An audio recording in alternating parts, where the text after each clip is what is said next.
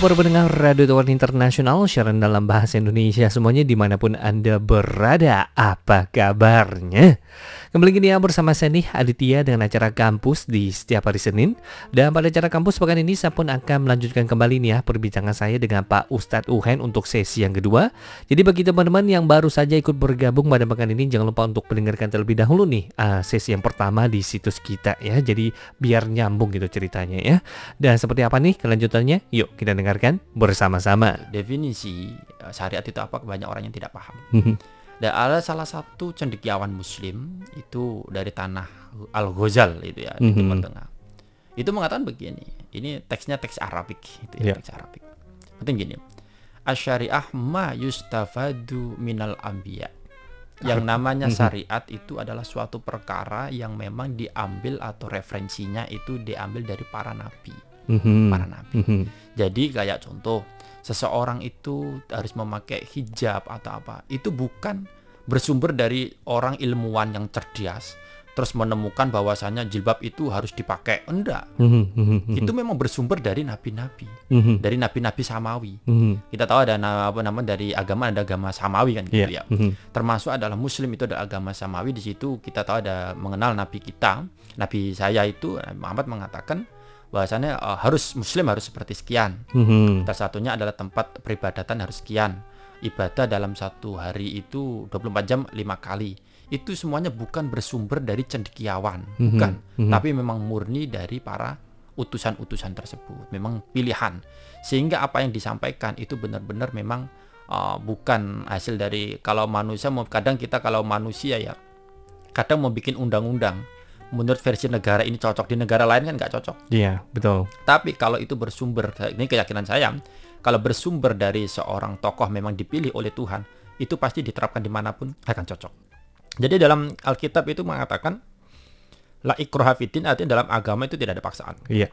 Sehingga seseorang itu kalau meyakini atau mau masuk dalam agama kami, itu boleh dalam bentuk niatan atau men apa pun. Mhm. Mhm. Boleh. Mhm. Salah satu ini contoh, contoh. Pada masa itu, kan kadang ada seseorang zaman sekarang itu bertanya, kenapa pada masa itu, pada tahun 400 Masehi atau 500 Masehi, kayak-kayak kok kalau kita baca sejarah kok Muslim suka berperang. Wah, Oh, pada masa itu. Mhm. Mhm. Loh aja begini, loh itu jelas. Kenapa? Karena negara Arab itu kan awal eh, awal penyebaran Muslim pada masa itu. Itu dikempit oleh dua negara besar, Mhm. Romawi dan Persia. Romawi dari sudut barat, Persia itu dari sudut timur. Itu orang-orang yang keras semua. Oh iya. Lah salah satunya juga. iya memang kalau untuk melindungi perang itu adalah tata cara untuk melindungi mempertahankan nggak cuman agama. Mhm. Mhm. Untuk untuk apa namanya aset-aset negara, politik negara, untuk melindungi keluarga memang harus pakai perang. Mhm. Mhm. Gitu karena pada masa itu kan Persia dengan Roma itu sangat luar biasa kekuatan pada masa itu. Mhm. Mau nggak mau memang harus ber- lah sekarang ini nggak pakai perang, pakainya adalah ekonom, ekonomi. Mhm. politik ekonomi, politik dagang dan semuanya itu tata perang zaman sekarang beda dengan zaman dahulu. Lah salah satunya adalah dulu memang perang itu merupakan tata cara untuk mempertahankan diri Mhm. dalam bentuk bukan kita di luar tema agama ya. Itu untuk mempertahankan diri keluarga dan juga aset-aset peninggalan orang tua. Mhm. Itu harus pakai seperti makanya wajar saja pada masa itu memang benar kalau perang itu ada tapi hanya untuk sebatas untuk beradaptasi pada zaman itu. Iya. Nah zaman sekarang sekarang sudah tidak ada Hmm. menyebarkan atau untuk perang untuk mempertahankan diri itu sudah. Tapi jangan cara adalah menata ekonomi untuk mempertahankan diri. Iya, Oke. betul. Nah terus pada masa perang pada masa itu itu ada suatu perang yang saya masih ingat pada masa itu saya baca ada buku itu yang berjudul itu adalah tamannya orang-orang soleh Oke. taman orang-orang soleh. Mhm. Lah itu di situ ada ceritakan. Saat itu ada konsep peperangan. Nah, peperangan di sini ada yang namanya peperangan kan nggak kalau di televisi mungkin satu jam satu jam selesai gitu ya. Iya. Film-film The Titan atau film-film apa itu Iya, yang yang satu lain-lain. jam selesai itu Betul. kan. Dulu itu enggak, Hmm. bulanan. Sampai tahunan kali Berbulan-bulan ya. bisa jadi. Mhm. Bulanan sambil membawa istri, membawa bekal seperti itu. Mhm. Dan eh, dalam peperangan itu masa itu satu kita nggak boleh merusak gereja, Oke. tidak boleh merusak yang namanya tempat-tempat ibadah yang lain itu juga tidak boleh. Kalau malam juga istirahat, tidak boleh mengganggu anak kecil, tidak boleh mengganggu ibu-ibu, tidak boleh meng- ada etikanya Hmm, zaman dulu. Etika perang juga ada, ada. ada. Mhm. Memang mana yang lawan politik, lawannya itu yang kita serang. Mhm. Kalau orangnya di rumah ngapain kita perangin? Iya. Kalau oke itu sih, yang ada di benar. tempat tertentu, tit- tertentukan jam berapa, udah di situ aja. Selesai sudah, sore ya istirahat itu. Mhm. Otomatis ketika istirahat perang kan ada tim patroli. Oke. Lah ketika tim patroli itu ya ada sebagian dari eh, muslim pada masa itu patroli. Mhm. Dan juga pada masa itu ada di luar yang bukan dari golongan kami yang sedang patroli tapi sedang istirahat. Mhm. Nah, Kita tahu salah satu syarat orang itu bisa dikategorikan muslim atau bahasa zaman sekarang namanya password and username. Oh, Wah, itu sudah, ada. Iya. Ada. Ya. Eh, passwordnya itu otomatis pernah dengar kan kata syahadat. Oh, iya, Ya, pernah. syahadat itu adalah password. Oke. Sehingga seseorang itu kalau tahu password itu mengucapkan password itu itu sudah otomatis Udah login. anggota gitu ya. login langsung. Oke, langsung ya, walaupun nanti covernya bagaimana dia udah login gitu Iya. ya. Mhm. Nah, sedangkan username mungkin dia sudah mendengar ada wawasan tentang muslim bagaimana itu bagaimana udah mendengar. Mhm. Tapi yang namanya oh, apa namanya sudah udah password itu Kata sandinya Iya, kata udah sandinya. disebutkan aja. udah langsung otomatis login. Oke. Lah ini sedang patroli tiba-tiba ada seseorang itu sedang tidur. Mhm. Nah, itu bukan dari golongan muslim pada masa itu secara sejarah aja. Iya. Dia sedang tidur. Kemudian eh, kita tahu tadi sampaikan bahwasanya perang pada masa itu hanya sebatas untuk mempertahankan diri ya, Iya. bukan untuk harus ikut saya itu enggak. Mhm. Lah otomatis tada itu ketika mau didampingi, mau dihampiri, dia terbangun. Mhm. Jadi antara dua pilihan pada masa itu ada satu muslim pada itu patroli itu. Kalau dia mau dia senjatanya dia mengenai saya atau senjata saya mengenai dia. Mhm. Lah ketika dia punya satu pilihan, otomatis dia yang menghunus lebih dulu. Iya. Ketika mau menghunus lebih dulu, dia login. Oke. Melihat pedang itu langsung login baca password. Kata sandinya. Iya, Mhm. passwordnya langsung dibaca itu. Oke. Lah asyhadu alla itu. Mhm. Nah, ketika password dibaca, tapi tetap di di itu ya dihilangkan nyawanya itu Iya. kan. Lah dengar seperti ini nabi kami mendengar Mhm. sebagai seorang kalau bahasa namanya adalah sumber referensi dan sumber semuanya itu komando dan gitu. Dengar Mhm. ada orang sudah membaca password kok masih tetap dieksekusi. Kusi. Iya. Langsung Nabi itu mencari beliau untuk Mhm. dipanggil dan Mhm. ditegur seketika. Kenapa kamu kok sampai tetap dieksekusi padahal orang itu sudah membaca passwordnya? Mhm. Terus orang itu mengatakan dia itu membaca password karena takut pedang ya Nabi. Mhm. Apa jawab Nabi? Imannya kamu sudah membedah dadanya. Nah. Nah itu Ah. menunjukkan bahwasannya adalah dari ini kita menunjukkan aj- ajaran kami tidak boleh eh, ibarat kata eh, secara terang-terangan langsung menjas seseorang secara fisik atau cover itu tidak boleh Mhm. karena kita juga tidak bisa membedah dadanya kan begitu. Mhm. Mhm. Contoh kita melihat ada orang memungut sampah, mungkin kalau kita melihat cover oh, orang kok muda kok masih mulung kan Mhm. gitu Iya, iya. kita iya. nggak tahu dia kok mungkin dalam mainnya dia apa. itu mungkin hanya sebagai tim sosial pelestarian alam atau apa kita Iya. nggak tahu. Oke. Iya, iya. Lah ini langsung ditegur oleh Nabi. Mhm. Dan betul lah dari teori ini ulama-ulama cendekiawan Muslim mengatakan seseorang tetap bisa login Mhm. ketika mengucapkan passwordnya syahadat itu walaupun dengan cover apa pun. Oke. Takut pedang. Contoh ada orang yang walaupun mungkin menikah Mhm. dengan seorang perempuan mus Muslim. Mhm. ada yang memang tertarik dan ada hal macam-macam kalau selama dia mengucapkan kata password udah termasuk login member Oke. dan join us ya gitu. Oke, oke. Jadi poinnya adalah itu. Jadi salah satunya yang kami sampaikan pertanyaan tadi Mas Adit, Mhm. apakah benar oh mus sekarang banyak sekali orang tahun yang Iya. masuk Islam Mhm. da- apa namanya gitu. Lah salah satunya adalah memang kita tidak memungkiri yang penting kita tidak ada paksaan. Iya. Dirinya masuk dengan unsur pertama tadi walaupun takut Mhm. cara politik tadi peperangan. Iya. Kedua atau karena memang dia mau bisnis. Mhm. Dia masuk ke negara contohnya ke negara teokratis di Arabik sana, di Iya. Arab. Mhm. Dia mau buka usaha apa di sana memang eh, biar supaya ekonominya apa bisnisnya lancar, dia harus login dulu, ya Mhm. nggak apa-apa. Mhm. Atau yang ketiga itu mungkin karena termasuk adalah merit, Mhm, yaitu yang memang salah sudah satu menikah. dalam ya dalam ajaran kami memang Muslim itu kalau mau menikah dengan ini harus ada login itu dulu. Mhm. Dan berikutnya dan unsur-unsur yang lain tuh sah-sah saja. Oke. Salah satunya adalah yang masuk itu mayoritas menurut data kami itu adalah merit. Oke. Oke. Ini data dari yang didapatkan dari HIC ya. Iya, Sinju gitu. Islamic Center. Iya dari gitu ya, merit Pusat ataupun Islamic yang lain-lain juga ada. Oke. Itu. Ngomong-ngomong soal itu ya, tadi kita juga sudah menyebutkan nih nama HIC berulang-ulang kali, namun tadi belum dijelaskan ya. Mungkin ini secara singkat boleh nggak nih Mm-mm. dari Bapak Uhen jelaskan secara singkat Oke. eh, berdirinya nih soal Mm-mm. Pusat Islam Sincu Oke, HIC itu gimana? oke. Begini ya. Sebelum berdirinya SAC atau HIC itu, wah, kita tahu prinsip saya itu ada empat aspek. Prinsip saya itu, baik itu dalam bentuk religi atau dalam bentuk bisnis atau dalam apa pun itu empat ini harus saya pegang. Pertama itu adalah edukatif. Oke. Kita mementingkan pendidikan Mhm. itu misalnya. Yang kedua itu adalah inovatif. Mhm. Nah, kita nggak boleh satu produk eh, gitu-gitu aja Ya. dengan melihat perkembangan zaman Mhm. inovatif. Yang ketiga itu adalah karena ini basicnya adalah religi, otomatis religion. Oke. Yang keempat itu adalah riset. Mhm. Nah, empat ini kalau kalau untuk umum ya itu yang eh, religi ini kita buang aja. Oke. Pakai tiga itu. Mhm. Kita hidup zaman sekarang yaitu adalah harus selalu belajar atau Mhm. kita mengajarkan wawasan edukatif, Mhm. inovatif, and research. Ya. Itu kita pakai Mhm. itu tiga itu. Lah, oleh karena itu dulu sebelum berdirinya itu kan pernah saya itu juga menjadi uh, pimpinan atau kepengurusan atau organisasi-organisasi lain gitu ya, termasuk organisasi terbesar di Indonesia Mhm. seperti itu Mhm. pernah Mhm. pernah memimpin juga di Taiwan ini.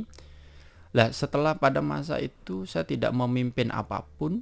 Ya, ada salah satu teman ya Ya. teman uh, dia itu adalah dosen di Universitas Negeri Malang Mhm. bersama satu lagi teman yaitu sesepuhnya Sinju. Iya. Ya, kita tahu bahwasanya budaya Indonesia itu masih terpegang. Apa itu?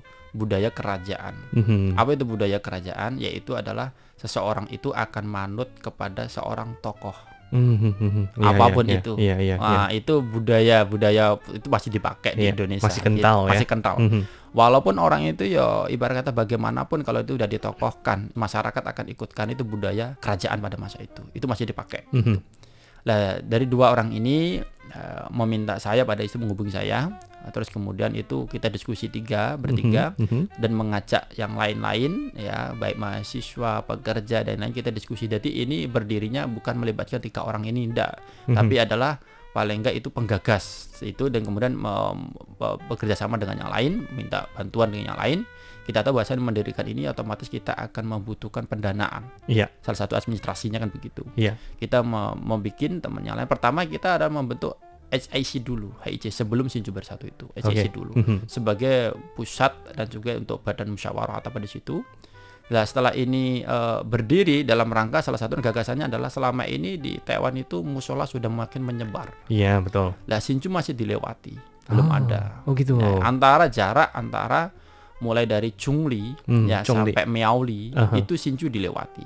Oh, gitu. belum ada. Jadi Chongli ada, Ada, Miaoli Chungli ada. ada. Namun Sinju Sinju kagak. belum ada. Eh, padahal di tengah-tengah gitu ya. Betul sekali. Oh, oke, Ya, oke. sempat saya riset dulu Aha. ke bagaimana geopolitik dari masyarakat itu, Mhm. geososialnya bagaimana. Mhm, mhm. Saya riset dulu. Oh, seperti ini.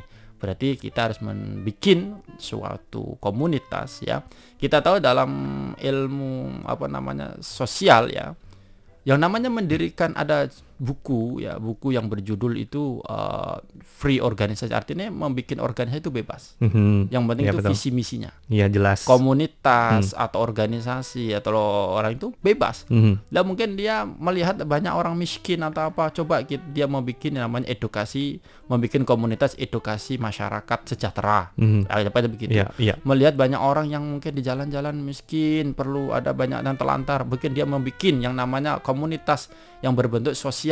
Mhm. Itu kan bebas, yang penting Iya. visi misinya. Oke, akhirnya akhirnya saya belajar dari buku itu. Oke, kita bikin saja nanti adalah suatu komunitas yang berbasis agama tapi tidak terbentuk hanya Indonesian people Nah, Nah, oke. atau hanya Indonesian migran, masyarakat Indonesia Nggak, aja. tapi Mhm. adalah Islamic Center. jadi terbuka untuk Betul, uh, semua, negara. Pokoknya semua. siapa aja yang Betul. memang satu gitu kan. Betul. Uh, kata sandinya benar. Nah, ya, sa- sa- Yang dia- sama. yang penting passwordnya sama, Aha. username-nya itu sama. Iya. Itu adalah itu memang uh, ajaran kami seperti itu. Oh iya iya. Nah, iya, salah iya. satu dalam uh, kitab kami itu mengatakan adalah ada istilah namanya adalah hablum minan nas wa hablum minallah. Kalau bahasa kalau bahasa konteksnya kan namanya adalah harus bisa saling berhubungan antar uh, Tuhan Mhm. dan juga berhubungan antar sosial. Oke. Ibarat sebaik-baik manusia dalam hubungan sama Tuhan itu baik, Mhm. kalau bersosial tidak baik itu percuma. Oke. Nah, salah satunya adalah kita memakai istilah Islamic Center Mhm. itu eh, dalam bentuk adalah hasil riset yang memang kami diskusikan adalah kita ini melihat dari beberapa eh, yang datang di situ bukan hanya orang Indonesia adalah ada dari eh, Pakistan ini saya dibantu juga oleh orang Pakistan juga dibantu juga oleh orang Arab orang Jordan orang Egypt dan semuanya membantu oke pakai istilah Islamic Center saja biar Oke. tidak ada yang namanya kayak eh, di apa namanya di monopoli Mhm, mhm. atau itu enggak ada Oleh Biar- satu negara atau Ya, gimana? betul, Ini terbuka gitu terbuka untuk umum sehingga uh, oh iya ya ini ini adalah milik sama Sesama. yang passwordnya sama Oke. gitu akhirnya terbentuklah namanya adalah nama Islamic Center dan kita terfokus hanya di area Sinchu Mhm, Sinchu mhm. City and Sinchu Country. Oh iya. otomatis Kabupaten. melalui dari sebelumnya Chungli yaitu yang Me atau mana itu sebelum itu sampai mhm. bawah itu uh, Xiansang Oke, oke, nah oke. itu dari itu kita cakup di situ aja Ah. jadi kita nggak nggak apa namanya nggak nggak sampai nyenggol di area luar nggak kita fokus ke ke situ kalau dulu. iya kalau bahasanya kita itu ada istilah eh, perbaikilah diri kita Mhm, dulu mhm. sebelum memperbaiki orang lain Oh iya. sehingga seseorang itu ya kalau nggak kita perbaiki dari masyarakat kita tertibkan dari masyarakat Sincu dulu Iya. kalau memang itu dibilang baik maka masyarakat lain akan ikut sendiri Mhm, Itu mhm. mempercayakan sendiri Wih, itu. luar biasa Oke. ya. Hmm. Kemudian kalau boleh tahu ini tahun berdirinya HIC itu sendiri kapan nih, eh, Bapak Wen? Oke, ini pertanyaan sangat padahal bulan ini adalah ulang tahunnya. Wih, Wah, itu. mantap. Kalau berdiri itu eh, pada masa itu ini wah flashback kalau Mhm. story-nya itu Iya, ekstrim panjang itu ya, ekstrim. Oke. Ekstrimnya bagaimana?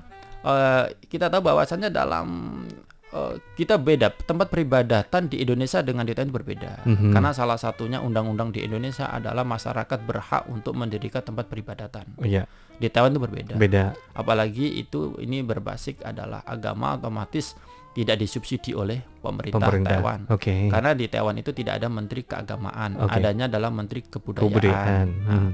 Lah kami termasuk mengikutinya adalah ke kebudayaan. Oke. Salah satunya kita mengadakan parade kemarin adalah untuk menunjukkan kita adalah beradaptasi dengan budaya Indo dan budaya Tai Wah. Taiwan Mhm, seperti mhm, itu. mhm. Oke, lah salah satunya adalah saat awal itu awal berdiri itu dua tahun Dua tahun pas yang lalu. dua tahun Mhm. bulan November kalau salah bulan November. November. pas tanggal 6 kalau nggak salah ya. Pas tanggal 6. pas tanggal 6 Mhm. berarti udah besok itu ya Oh, oh, iya. hari hari hari kemarin Oh, ya kemarin kemarin. kemarin Iya, ya, iya, pas iya. kemarin kemudian itu nyewa Mhm. Nah, nyewa itu paling tidak tahu sendiri di Taiwan itu ada sistem namanya yacin Oke, deposit. Ah, ya, Uang deposit, deposit. atau DP Iya. dan juga harus ada biaya kontrak dua bulan Oke. Mhm. pada masa itu kita masih nol semua nggak Mhm. ada kita sampai situ semuanya mendadak tapi kita pakai ya kita yakinkan kita support untuk yang lain supaya kalau kita jangan sampai mental down gitu Mhm. akhirnya berdiri sebelum HIC berdiri ya Mhm. tapi kita larinya ke gedung dulu Iya.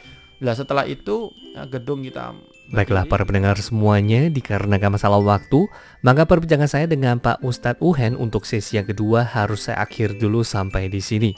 Jangan lupa untuk terus mendengarkan acara kampus di setiap hari Senin dan saya Aditya pamit dulu. Sampai jumpa di pekan depan. Bye bye. Para pendengar sekalian, demikianlah siaran dari Radio Taiwan Internasional program Bahasa Indonesia. Acara kami sendiri disiarkan tiga kali sehari antara lain, siaran pertama disiarkan pada pukul 10 hingga 11 UTC dengan gelombang SW 11915 kHz. Untuk siaran kedua disiarkan pada pukul 12 hingga 13 UTC dengan gelombang SW 11915 kHz. Dan siaran ketiga disiarkan pada pukul 14 hingga 15 UTC dengan gelombang SW 9735 kHz. Untuk acara hasil kerjasama dengan Kementerian Ketenagakerjaan Taiwan disiarkan setiap hari Kamis pukul 20 hingga 21 waktu Taiwan dengan gelombang MW 1422 dan siaran ulangnya disiarkan pada hari Jumat pukul 8 hingga 9 waktu Taiwan dengan gelombang MW 1422. Guna memudahkan pemantauan siaran dari RTI, silahkan mengunduh aplikasi Radio Taiwan Internasional di dalam gawai dan juga gadget Anda. Jangan lupa untuk menambahkan fanpage Facebook RTSI. Untuk kritik dan saran, silahkan kirimkan email Anda ke rtsi@rti.org.tw dan untuk surat tertulis silahkan layangkan ke PO Box 123 strip 199 Taipei City, kode pos 11199 Taiwan. Para pendengar sekalian, jangan lupa untuk selalu mendukung dan mendengarkan siaran dari Radio Taiwan Internasional program Bahasa Indonesia. Terima kasih.